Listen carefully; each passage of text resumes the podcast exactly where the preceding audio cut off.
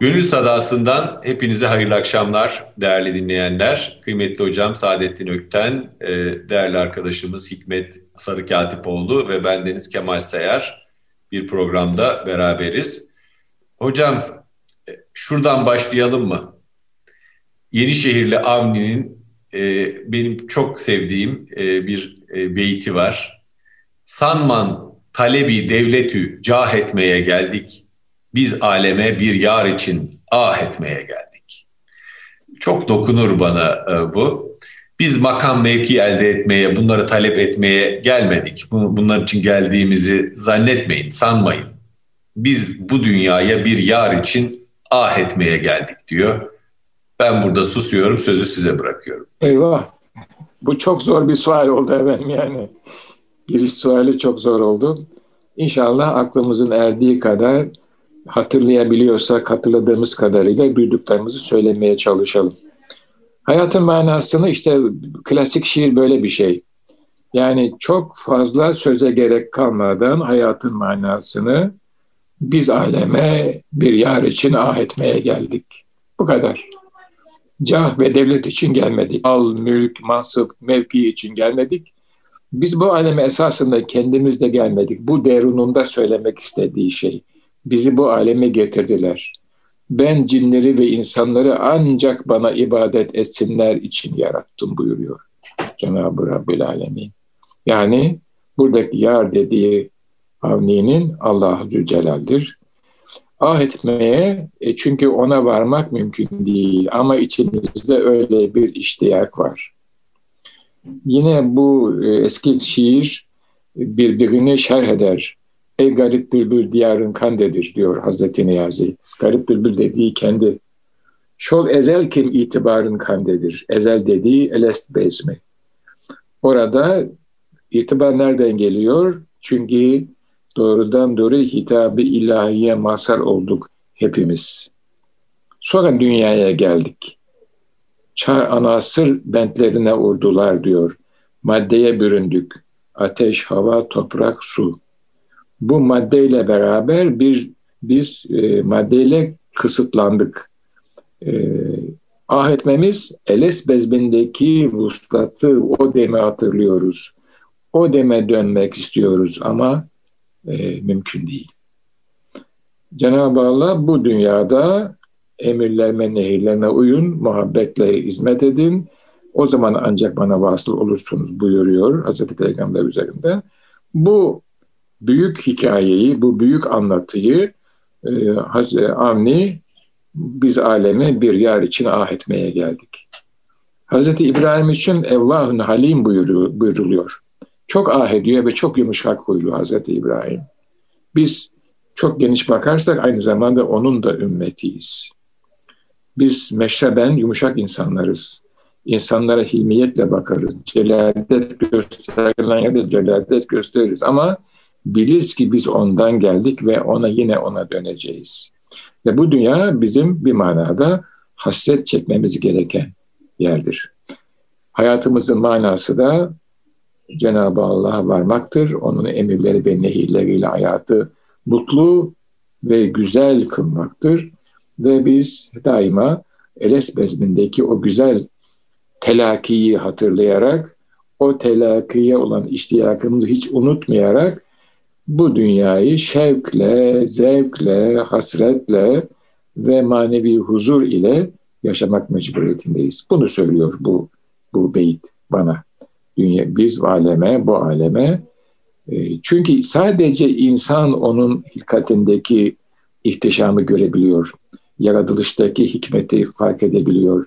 Ve o hikmetin derinliğine inebilen e, maddi ve manevi yani maddi derken akli ve duygu, duyusal, manevi derken duygusal, hikemi kabiliyetlere sahip. İnsandan başkası hilkatin esrarına vukufiyet sahibi değil. Hilkatin esrarı boş boşuna yaratılmış değil. İnsana bağlı kılınmış. İnsanın alakasına, insanın irfanına, bu irfanın tekamülüne sunulmuş. Dolayısıyla ah etmek demek sadece yakılmak manasına değil. Bir manada hilkatin esrarına vakıf olmak, Allah'ın kullarına lütfettiği kerem ettiği görünen görünmeyen her ne var ise onların hikmetine ve güzelliğine ve güzellik içinde erimeye talip olmaktan ibarettir diye düşünüyorum. Bu kim? Bu yaratılan çevre. Bu kim? Verilen sıhhat. Bu ne? Verilen akıl, verilen hikmet, verilen duygusallık ve insanlarla temas. Allah'ın kullarıyla temas. Onların güzel sözlerini dinlemek. Hatta ve hatta güzel kitaplarına muhatap olmak. Güzel bakışlarıyla tenevvür etmek. Eskiler söylerlerdi. Yani bir insan e, bir Allah dostunun bakışıyla şereflenir. Nazarla şereflenir. Niye? Çünkü Resulullah'ın nazarıyla şerefleniyor insanlar.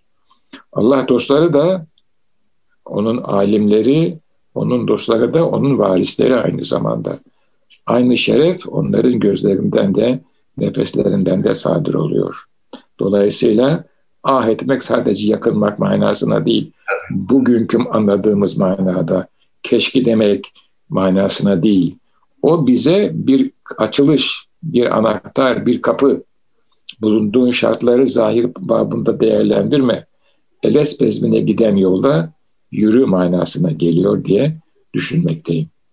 Yeni şehirle Avni bizi bakın nerelere götürdü yani.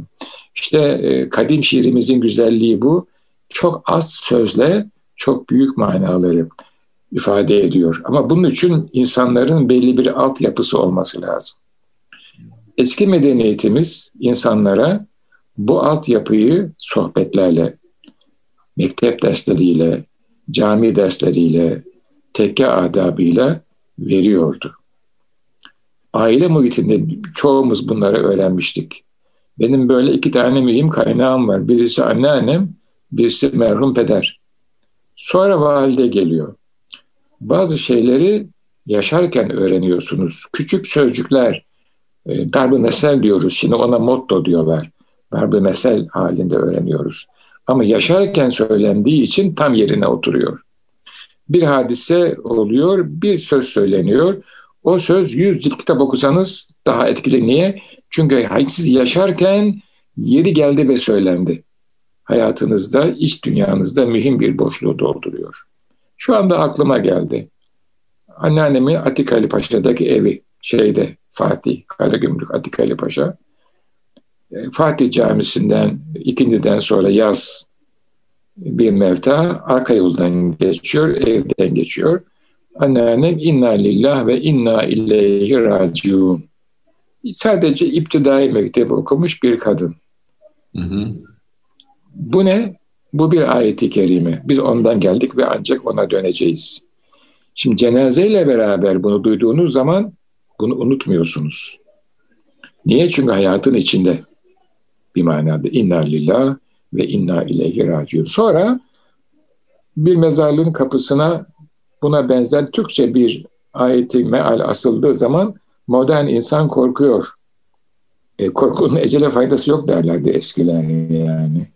Bir şeyi hatırlatıyor. Modernite bunları hayattan çıkardı. Ama ölüme çare yok. Ölüm var hayatın içinde. Zaten ölüm olmasa hayatın kıymetini anlamaz insanlar. Böyle bir hadise. Dolayısıyla biz aleme evet ah etmeye geldik. Bir yer için ah etmeye geldik gayet net. Hocam e, şimdi e, yeni baskısı çıktı. E, Alan e, Magill'in e, Aşırılığın Peygamberleri diye bir kitap. Orada e, karıştırıyordum bu sabah, okuyordum, ön sözünü okuyordum. E, orada Kant krizinden bahsediyor. E, daha önce e, bu konuda e, güzel bir makalesi çıkmıştı İhsan Fazlıoğlu'nun da e, Düşünen Şehir dergisinde. Kant krizi şöyle bir şey anladığım kadarıyla hakikatten ümidini kesmek. Yani e, Alman şairi von Kleist e, saf hmm. aklın eleştirisini okuyor. E, onu okuduktan sonra bunalıma giriyor. Yani hakikatten ümidini kesiyor. E, şey de yazar da e, Tanrı kelamının e, Alan McGill'de e, kitabında Tanrı ke- kelamının Batı düşüncesinde nazar itibarı alınmaması ve itibardan düşürülmesiyle e, işte bir krizin başladığını e, dile getiriyor. E, Tanrı kelamının itibardan düşürülmesi ve bilimin tek yetki olarak onun e, onu ikame etmesi aslında e, Batı düşüncesinde etkilerini bugün de hissettiğimiz bir e, sismik e, bir etki yaratıyor. E, bizde buna benzer bir şey hatırlıyor musunuz, düşünüyor musunuz? E, bizde böyle bir kriz yaşandı mı sizce bizim medeniyetimizde? Yaşanmadı diyemem ama yani hiç etkisi yok. Yani mutlaka e, şöyle düşünüyorum. Cenab-ı Allah böyle bir krize de evet demiş olabilir. Kendine olan verilen değerinin kıymetini kullarına anlatmak için. Ama bu boyutta değil. Mutlaka yani böyle bir takım insanlar vardır, şüpheciler vesaireler. Onu ben bilemiyorum. Ama ben size şunu söyleyeyim. Bir miktar bu Batı medeniyeti hakkında bir şeyler okurken şu çıktı ortaya da yani. Bu da kendi tespitim. Esasında Orta Çağ Hristiyanları kutsal kitaba muharref de olsa inanıyorlar. Ama kutsal kitabın öğretisi o kadar çok suistimal ediliyor ki daha doğrusu kutsal kitaba beşeri katkıları o kadar çok var ki her beşeri katkı bir müddet sonra yani birkaç asır sonra yanlış olduğu ortaya çıkıyor. Her beşeri katkının yanlış olduğu ortaya çıkınca insanların artık inanma kabiliyetleri kayboluyor bir manada. İnanma kabiliyetleri kaybolunca artık hak batıl birbirine karışmış vaziyette. Dolayısıyla o insanlar e, muhtaç insanlar. O insanlar şefkate inanmaya ki inanma şefkatin en yüksek hali, en geniş hali. Ama maalesef Allah onlardan o e, nimeti almış onların elinden. Ve buna da kendileri sebep olmuşlar. Şimdi ben şimdi yine biraz bu e, günceli takip ederken şunu görüyorum. Bizde yok, Müslümanlarda da olmasın fikri hakim. Ve bunu e, bir takım iva ile ortaya koyuyorlar vesaire ediyorlar.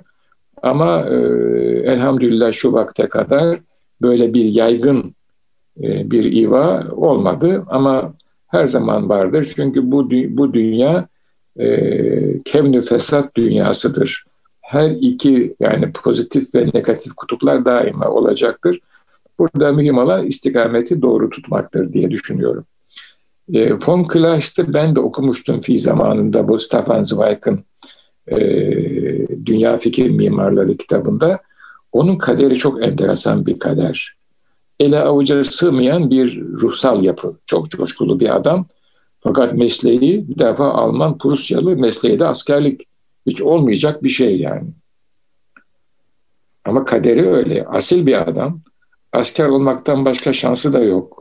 Yani o zamanın Prusya'sında tüccar olamaz. Çünkü o meslek iyi bir meslek değil. Öyle algılanıyor. Asker, asiller asker olur, şövalye olur onun devamında. Ve bu e, çatışma onun hayatında devam ediyor. Benim böyle hayallerim vardır. İsterseniz o hayalin bir tanesini de söyleyeyim. Düşündüm ki von Kleist bir Müslüman Şeyh Baba'yla tanışsaydı.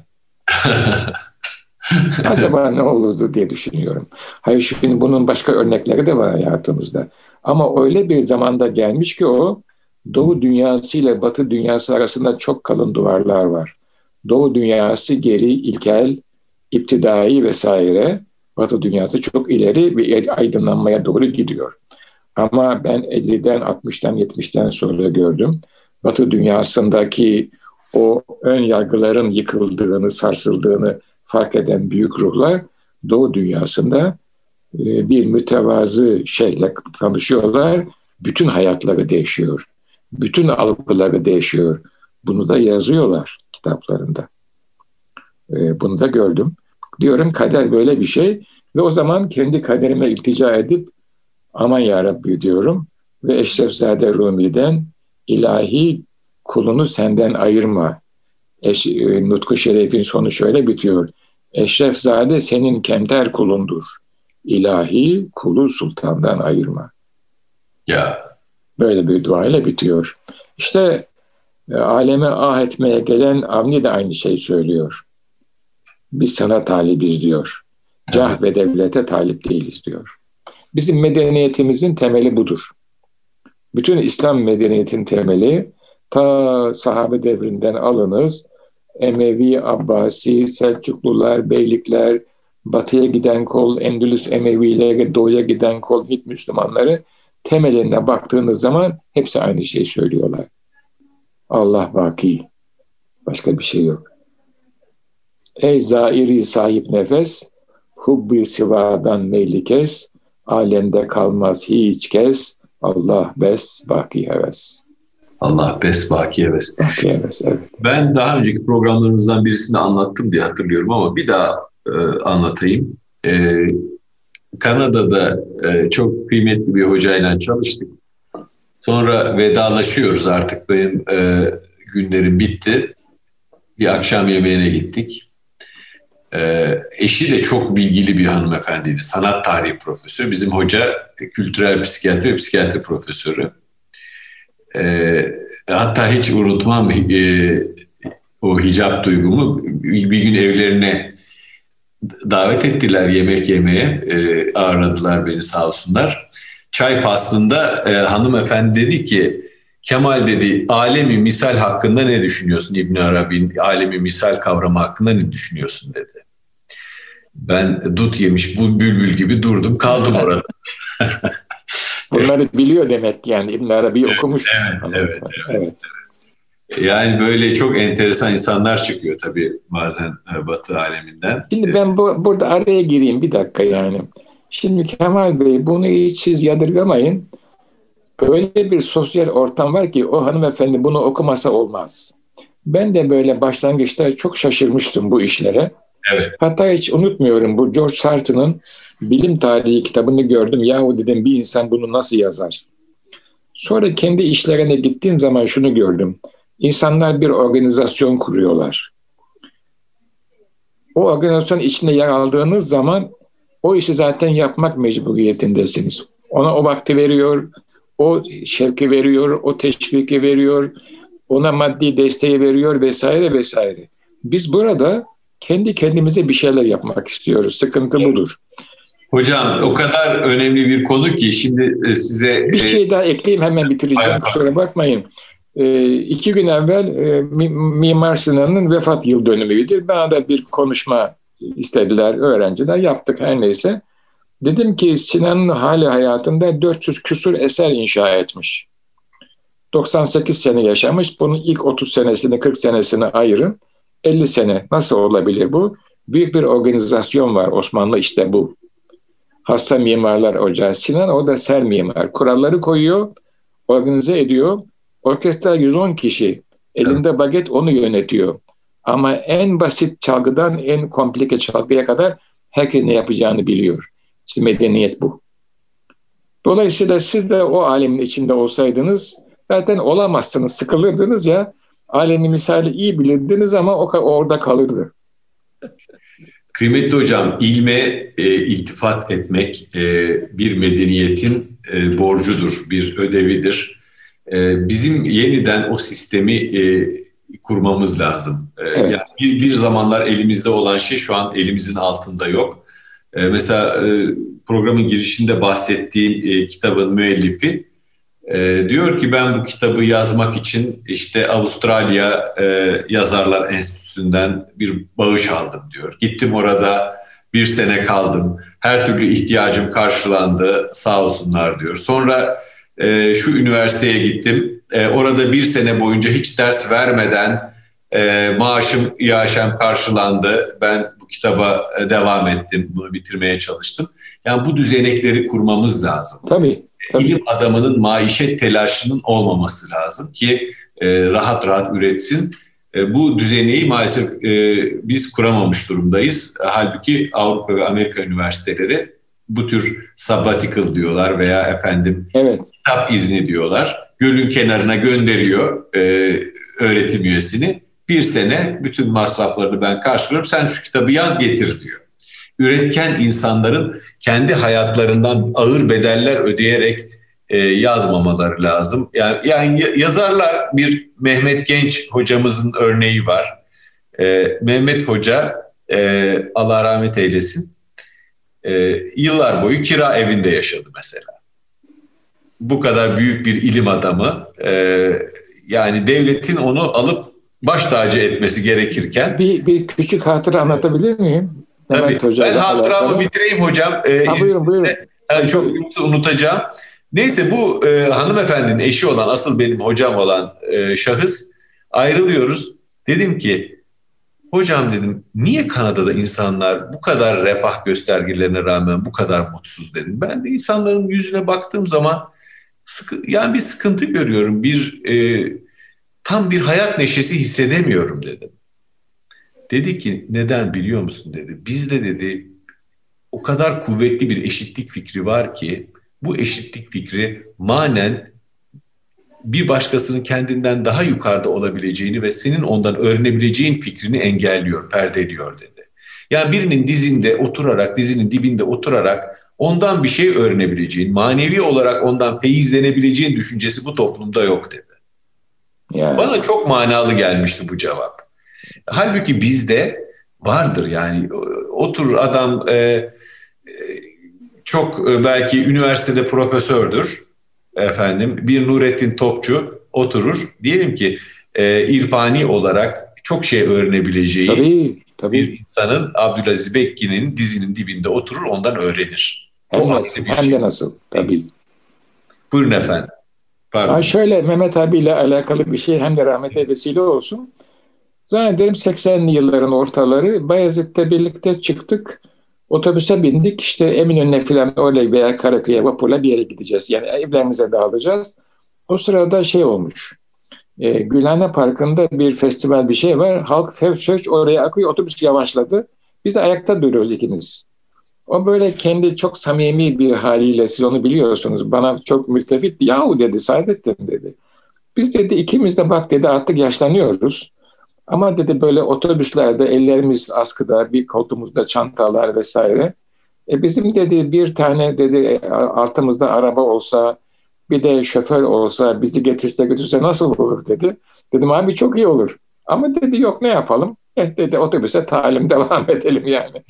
Böyle bir onun da gönlünden geçerdi de aldırmazdı. Yani biz o aldırmamayı da öğrendik. Yani o da mühim bir şey. Olursa olursa olur, olmazsa da çok fazla dert etmeyiz. Ama ben onu gördüm Batı'da. Yani adamlar programlıyorlar ve e, ha, bir de şunu tabii siz onu çok iyi biliyorsunuz. Öyle insanlar var ki onun vazifesi o kitabı yazmak. Yani ruhen vazifesi. Yani o başka bir şey yapamaz. Yani tabi öyle yaratılmış o. Ona gereken şartı sağladığınız zaman zaten o o işi hemen yapıyor. E, çünkü tahallükle koşuyor o işin üzerine, o işin peşine. O öyle öyle halk olmuş. Onu başka şey cezbetmiyor. Ee, evet. Akademik insanlar böyleydi yani. Öyle hocalar gördüm ben. İşini seviyor. Ve o iş ile hemhal olmuş hayatı öyle. Ona o işi yapmak için gereken kaliteyi sağladığınız zaman çok güzel eserler çıkıyor. Temiz şeyler çıkıyor. Mühim olan o, o yapıyı kurabilmek. O, o, o seyahat imkanını vermek, o görgü imkanını verebilmek, o şevki ona getirip, o da kurumsallaşmakla oluyor. Sinan da işte böyle bir kurumsallaşmanın eseri. Yenişehirli Avni Bey de ben mutlaka söylüyorum ki o da böyle böyle bir kurumsallaşmanın eseri diye düşünüyorum. Eyvallah hocam.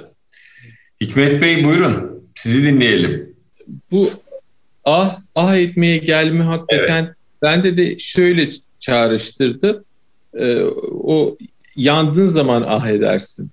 E, niye yanarsın? Aşktan yanarsın. Eninde sonunda sevgiyle ilgili bir durum var burada. Böyle kelimelerin kökenlerine bakınca oradan da insan çok ilginç bir şekilde besleniyor bazen. Bu cogito düşünce aynı zamanda e, refleksiyon anlamına geliyormuş. Bu, bu, bu şöyle hakikaten hani bu hep gelme gitme, çevrimsel olma, bir taraftan ah etmek için geliyoruz çünkü buraya inerken aldıklarımızı bırakıyoruz. yanmamız gerekiyor. Biz buraya aslında biriktirmeye değil bırakmaya geliyoruz bir şekilde. Fakat e, doğuştan beri edindiğimiz tecrübe hep e, gücü, bilgiyi daha sonra kullanmak üzere biriktirmek üzere. Bu bizde şey yapıyor tabii. O beni beni ben e, besleyen en önemli tuzaklardan biri, havuçlardan biri de bu esasında. O yüzden bırakamıyoruz. O yüzden yanmak, o yüzden ah etmek gerekiyor herhalde. Yani bunu Allah kimseye e, ah ettirmesin. Cemaliyle huzurlu, e, boynu büken, şükreden e, bir hal içerisinde e, bulundursun inşallah. Ama e, büyük rakamlarla baktığımız zaman insanın mizacı o beni bırakabilmesi ve beni ilave ettiklerini bırakabilmesi biraz ah demeden e, olmuyor sanki. Ne diyordu? Eyvah demeden Allah diyelim değil mi? O da ilahilerden biriydi. Ee, inşallah e, Allah cemaliyle kaldırabileceğimiz kadar hep hayırlısını versin. Sahiplenmekten, e, ondan başkasına da varlık vermekten bizi korusun inşallah. Bu şem ve pervane e, mazmunu geliyor sen bunu söylediğin zaman aklıma. E, yani e, eğer e, ışığın çevresinde dönen pervane e, bize aşkı anlatmasaydı nasıl bilecektik? E, o kadar çok tekrar ediliyor ki bu e, şen ve pervane, e, ışık ve pervane e, metaforu. Ben oradan şöyle bir sonuca varıyorum. Yanmak bilmektir. Yanmayı göze alan bilir. Yani eğer kanatlarını o ışıkta, kandilin ışığında e, yakmayı e, göze alıyorsan, kendini o ışığa atmayı göze alıp asıl baki olan da fani olma, olmayı göze alıyorsan o zaman da bilmeye layıksın demektir. Yani bu manada bilmek bir cesaret işidir. Ah edebilme işidir. Yani ah et, e, o ah çok derinden çıkmalı, hançereden çıkmalı. Doğru. Ee, yani edebiyatı olmamalı onun. Ee, sadece e, edebiyatı olmamalı diyelim. Ee, o e, hani bir şey denir ya ciğerinin kokusunu duydum derler. Acı çeken insanlar için, e, gerçek bir acı çekmiş insanlar için ciğerden gelmeli bazı şeyler. O yanık kokusu ciğerden gelmeli ki e, insan e, yanmakla bilsin. Tabii o zaman e, samimi, halisane bir çabayı da anlıyorum burada. Ne dersiniz hocam? Evet. Yanmaktır efendim biricik çaresi aşkın diyor Yaman dede. Oh. Ağlatma da yak, hali perişanıma bakma diyor. Bir Mevlevi büyüğü Mithat Bahari Bey, dervişlerden birisi ağlıyormuş. Bir şevk halinde daha, e, anında. Diyor ki derviş gözyaşlarını içine akıt diyor. Görünmesin diyor. Çünkü gözyaşı diyorlar, dışarı taşan gözyaşı aşk ateşini söndürür diyorlar. Bu tabii hani su ateşi söndürüyor. Şöyle bir şey oluyor, öyle duymuştuk. Yani e, diğer insanlar bakarlar ve gıpta ederler halinize. Siz onu o hali duyunca bir manada ne kadar engelleseniz içinize bir ucup hissi gelir. Ben ne mertebeler aldım, gözyaşım akıyor insanlar bunu hayranlıkla seyrediyorlar dediğiniz anda aşk e, şeması hemen dinlenmeye geçiyor. Dolayısıyla onur tekrar dinlenmiş hale geliyor. Yeni bir anı yakalayıncaya kadar. Dolayısıyla gözyaşını da dışarıya göstermemek lazım. Neler çeker bu gönül diyor Şeyhülislam ya söylesem şikayet olur diyor yani. Şikayet olur. O arada kalan bir hadise. Evet olmak yanmak, bilmek, bulmak üst üste düşüyor bütün bunlar. Belki yanmakla başlıyor hadise. Zaten bildiğiniz zaman olmuş oluyorsunuz yani. Eyvallah. Bildiğiniz zaman bu akli bir bilmek değil, varlığın bütünüyle bilmesi, idrak etmesi zaten olmuş oluyorsunuz. Hocam manevi narsizm diye bir e, kavram var. E, bu çok mühim bir şey. E, bazı manevi e, çalışmalar yapan veya manevi yola giren insanlarda batıda gösterilmiş bir şey çalışma. e, yapılmış bir üstünlük duygusu oluyor. Yani tam egoyu geride bırakayım, benliği geride bırakayım diye bir yola giriyor. Fakat evet. bir süre sonra diyor ki yahu ben ne kadar üstünüm. Diğer insanlar hakikati fark edemiyor, ben fark edebiliyorum. E, deyip bir tür manevi narsizme çıkıyor. Aslında gelmek istediği yolun tam tersine varmış oluyor. E, öyle Buna karşı zaten. da çok dikkatli olmak lazım. Bu sanki. yolda çok harami var derlerdi yani. Rehbersiz gidilmez yollar harami. Kesinlikle. Evet. Kesinlikle. Evet. Ya, bu böyle. Tabii bir de bazı olağanüstü haller oluşuyor o tür insanlarda. Yani diğer insanlarda görülmeyen haller o da çok rahatsız eder o halin sahibini. Görüldüğü anda diğer insanların hayranlığı onun önünde ciddi bir mana teşkil eder. Onun için göstermek istemezler o hallerini. Hep saklamak isterler. Kendi e, terakkilerine manidir. Ama bu böyle bir şey yani e, rahat bir dünya söz konusu değil. Hangi yola girerseniz girin. İsterseniz para kazanmak için, mal ve mansıp sahibi olmak için uğraşın. İsterseniz ah etmek için çaba sarf edin. Dünya e, mihnet yeri, dünya imtihan yeri efendim. Böyle. Sadi'nin Gülistan'ında bir hikaye var. Ee, çok e, o da benim hürriyet klasiklerinden ilk aldığım, ortaokulda aldığım kitaplardan biri e, Bostan ve Gülistan. E, çok şey öğretmiştir. Yani tam bir aslında ahlak felsefesi kitabıdır. Tabii, bana sorarsanız. Orada diyor ki e, daha çocukken diyor ibadeti çok seviyordum. Gece kalkıp namazlar kılıyordum.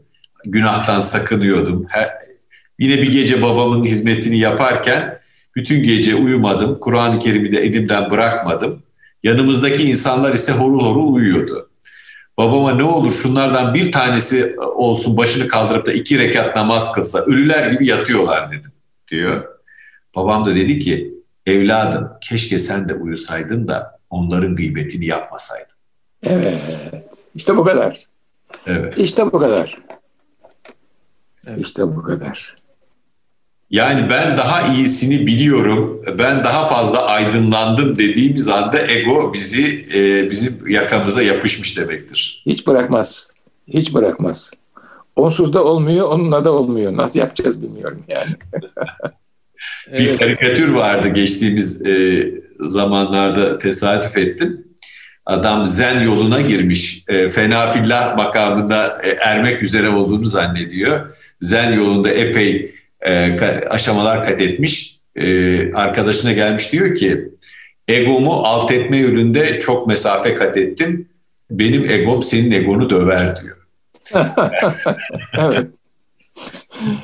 Ego evet böyle. Evet. Böyle. Hikmet Bey, e, siz e, bu e, yollarda yürüdünüz biraz. E, nefsinizle boğuşuyor musunuz hala? Nefsimle e, boğuşuyor muyum? E, bu şimdi çok şey bir soru oldu. Hakikaten. Özel bir soru oldu. Zor, yo, yo, yo. genel cevap verin. Zor bir zor bir soru oldu. Zor bir soru oldu. Nefsimle galiba şöyle oldu. Bu aydınlanmayla daha doğrusu insanın tekamüle e, olan hevesi, o yoldaki gayretinin e, metodolojik yöntemi olarak nefs mücadelesini eskisi kadar öncellemiyorum. Öyle söylemem gerekiyor belki bilgi edinerek aydınlanmayı onun yanına koyduğumu söyleyebilirim. Yani iki, iki, iki ayakta olmasını çalışıyorum. Yoksa e, benlik o manevi e, narsizm dedin o kadar e, o kadar önemli ve doğru bir şey ki şöyle bir şey oluyor. Kişi zaten dünyevi havuçlarını attığı için manevi olarak bir şeyler almaya başlayınca o yolda devam edebilmesinin yolu o e, manevi olarak yol kat ettiğini hissetmek. Dolayısıyla onu hissettikçe de bir yere gittiğini, bir şeyin olduğunu, e, bir köşe taşı da gerçekleştirdiğini düşünebiliyor. Ve hakikaten bir süre sonra bastırmaya çalıştığı egosunun çok daha güçlü ve altta e, cayır cayır yandığını işlediğini fark ediyor. Burada galiba iki, iki tane şey var ki insanı kurtarıyor. Üç şey herhalde. E, en önemlisi e, Saadettin Hocam'ın dediği gibi olmadın, bu yanlış diyen bir e, öğretmeninin olması, manevi öğretmeninin olması. E, ikincisi net olarak bildiği bir türlü düzeltemediği bir defosu vardır. O defosu her zaman yanındadır ve onun boynunu hiçbir zaman kaldırtmaz ona. O da derdim bana derman imiş kısmına e, karşılık gelir tahmin ediyorum. Bir diğeri de bildiğini düşündüğü zaman daha büyük bir bilgi birikimiyle karşılaşıp tekrar çaylak olarak yola koyulursa kişi o zaman der ki ya esasında bak e, bunca zaman geçti ben hala e, bildiğimi düşündüğüm halde tekrar baştan başlıyorum aslında bir şey bilmiyormuşum dediği anda yol serüven devam ediyor. Yoksa oldum evet. dediği an zaten öldüğü andır yani bittiği andır. Hep bir acemi merakı. Evet. Başlangıç zihni. Her şeyi yeniden öğreniyormuş gibi e, büyük bir merakla, hayret duygusuyla varlığa yönelmek. Evet. Bunlar çok mühim. E, aslında e, öğrenmenin en iyi yolu bildiklerimizi, ezberlerimizi unutmaktan geçiyor. E, bugüne kadar kalıplaşmış bazı yargıları bir kenara bıraktığımız ve yeni bir açık bir gönülle hakikate yaklaştığımız zaman o zaman daha güzel e, öğreniyoruz sanki. Kesinlikle. Hocam nasıl ah edeceğiz bir yar için? Bize birkaç şey söyleyin. Genç dostlarımıza ve bize biraz yol gösterin. Estağfurullah. Estağfurullah. Önce talip olmak lazım belki. Bir şeylerin eksikliğini hissedip talip olmak lazım. Bu çağımızı insanı çok soruyor bu soruyu Kemal Bey. Ne yapalım, ne edelim? Ee, ben de diyorum ki e, sabır. Yani bir Allah dostuyla Allah sizi karşılaştırırsa amenna ve saddakna.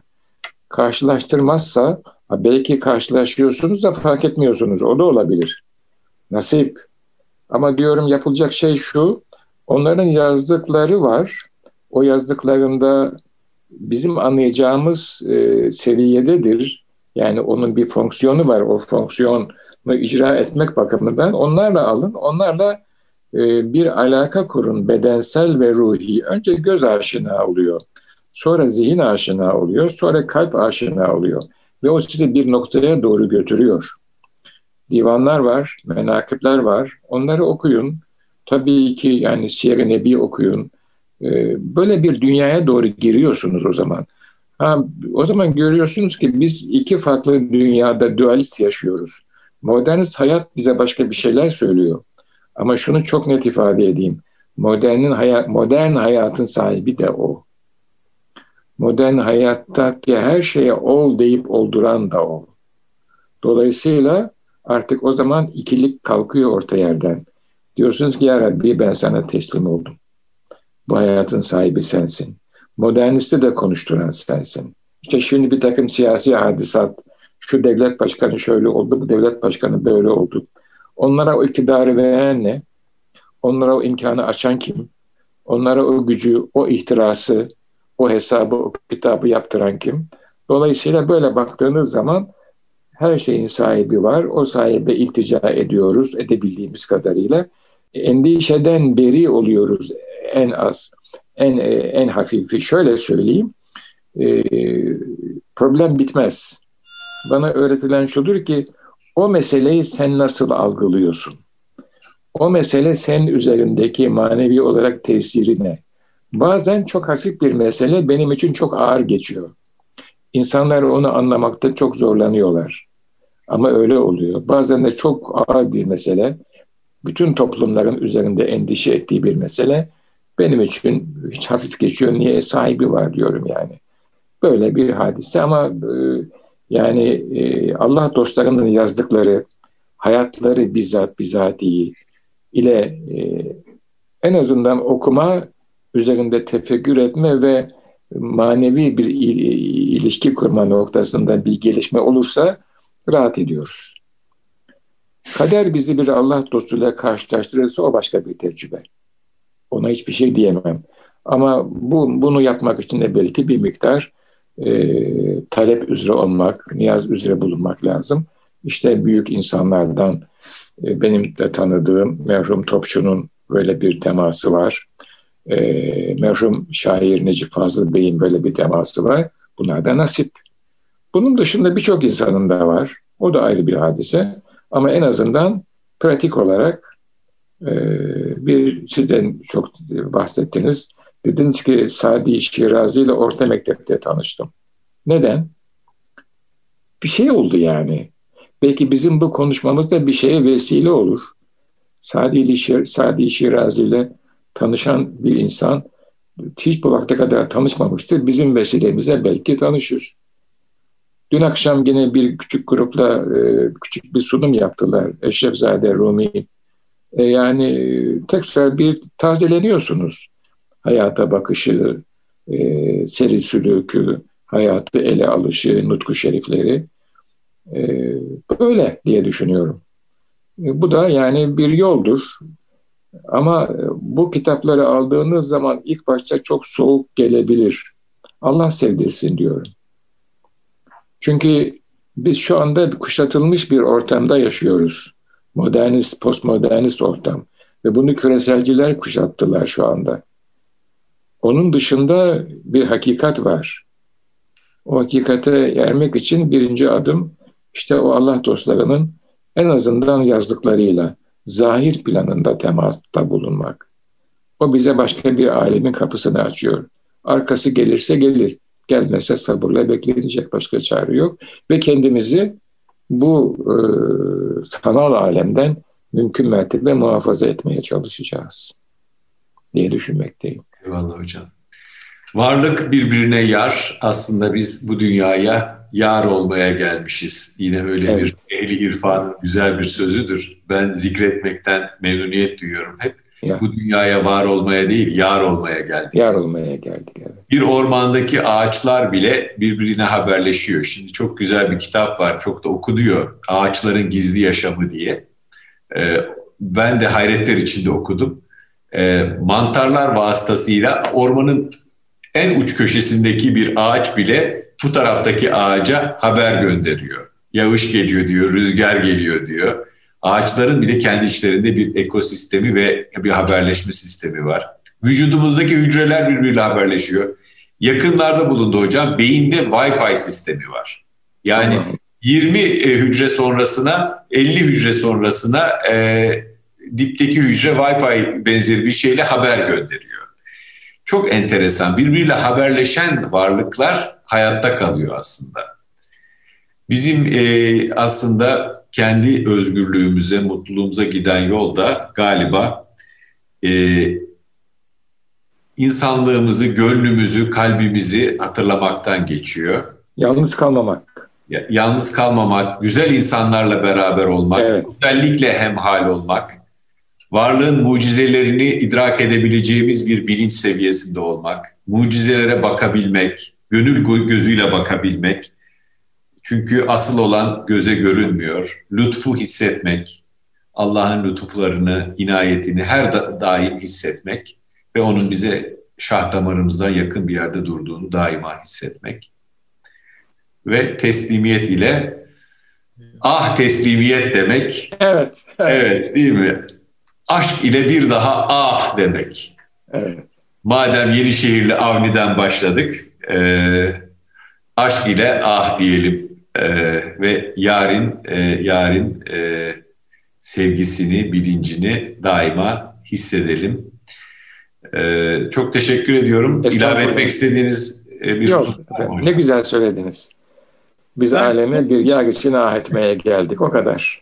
Evet. Son, son bir şey ilave edeyim ben e, zaman varsa. Var, var. Bu e, manevi ve e, maddi e, narsizm e, konusunda ilaç olabilecek e, bir konu e, Füsusül Kemşit bahsinde geçer.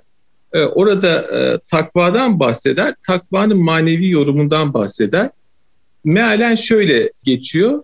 Alemde sizden ortaya çıktığını düşündüğünüz övülesi şeylerin kendinize izafe etmeyin.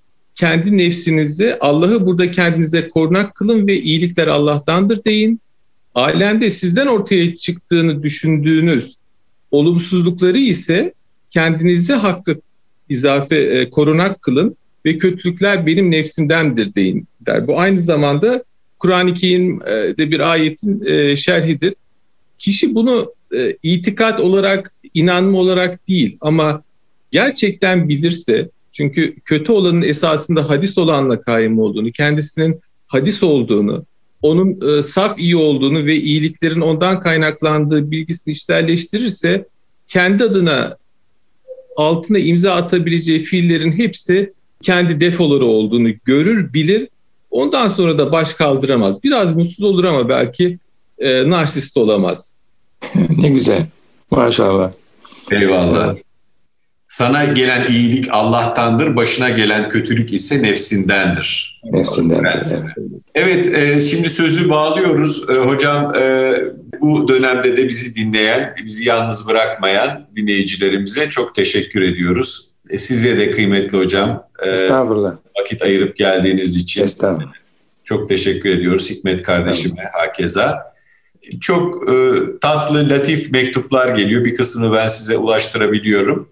Size bırakıyorum hocam son e, kapanışı bu sefer. Evet. Efendim e, dua üzere olsun kalplerimiz her zaman için. Niyaz edelim, iltica edelim. Özellikle bu bir imtihan döneminden geçiyor bütün dünya.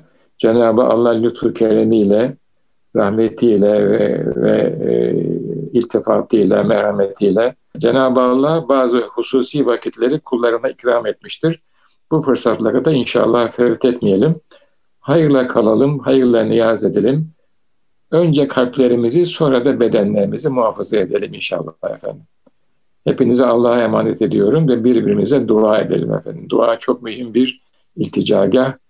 Kulluğu bilmenin çok mühim bir rüknüdür dua etmek. Kalbin dua üzere olması. Allah'a emanet olunuz efendim. Çok teşekkür ederiz kıymetli hocam. Gönül sadasından hayırlı akşamlar diliyoruz.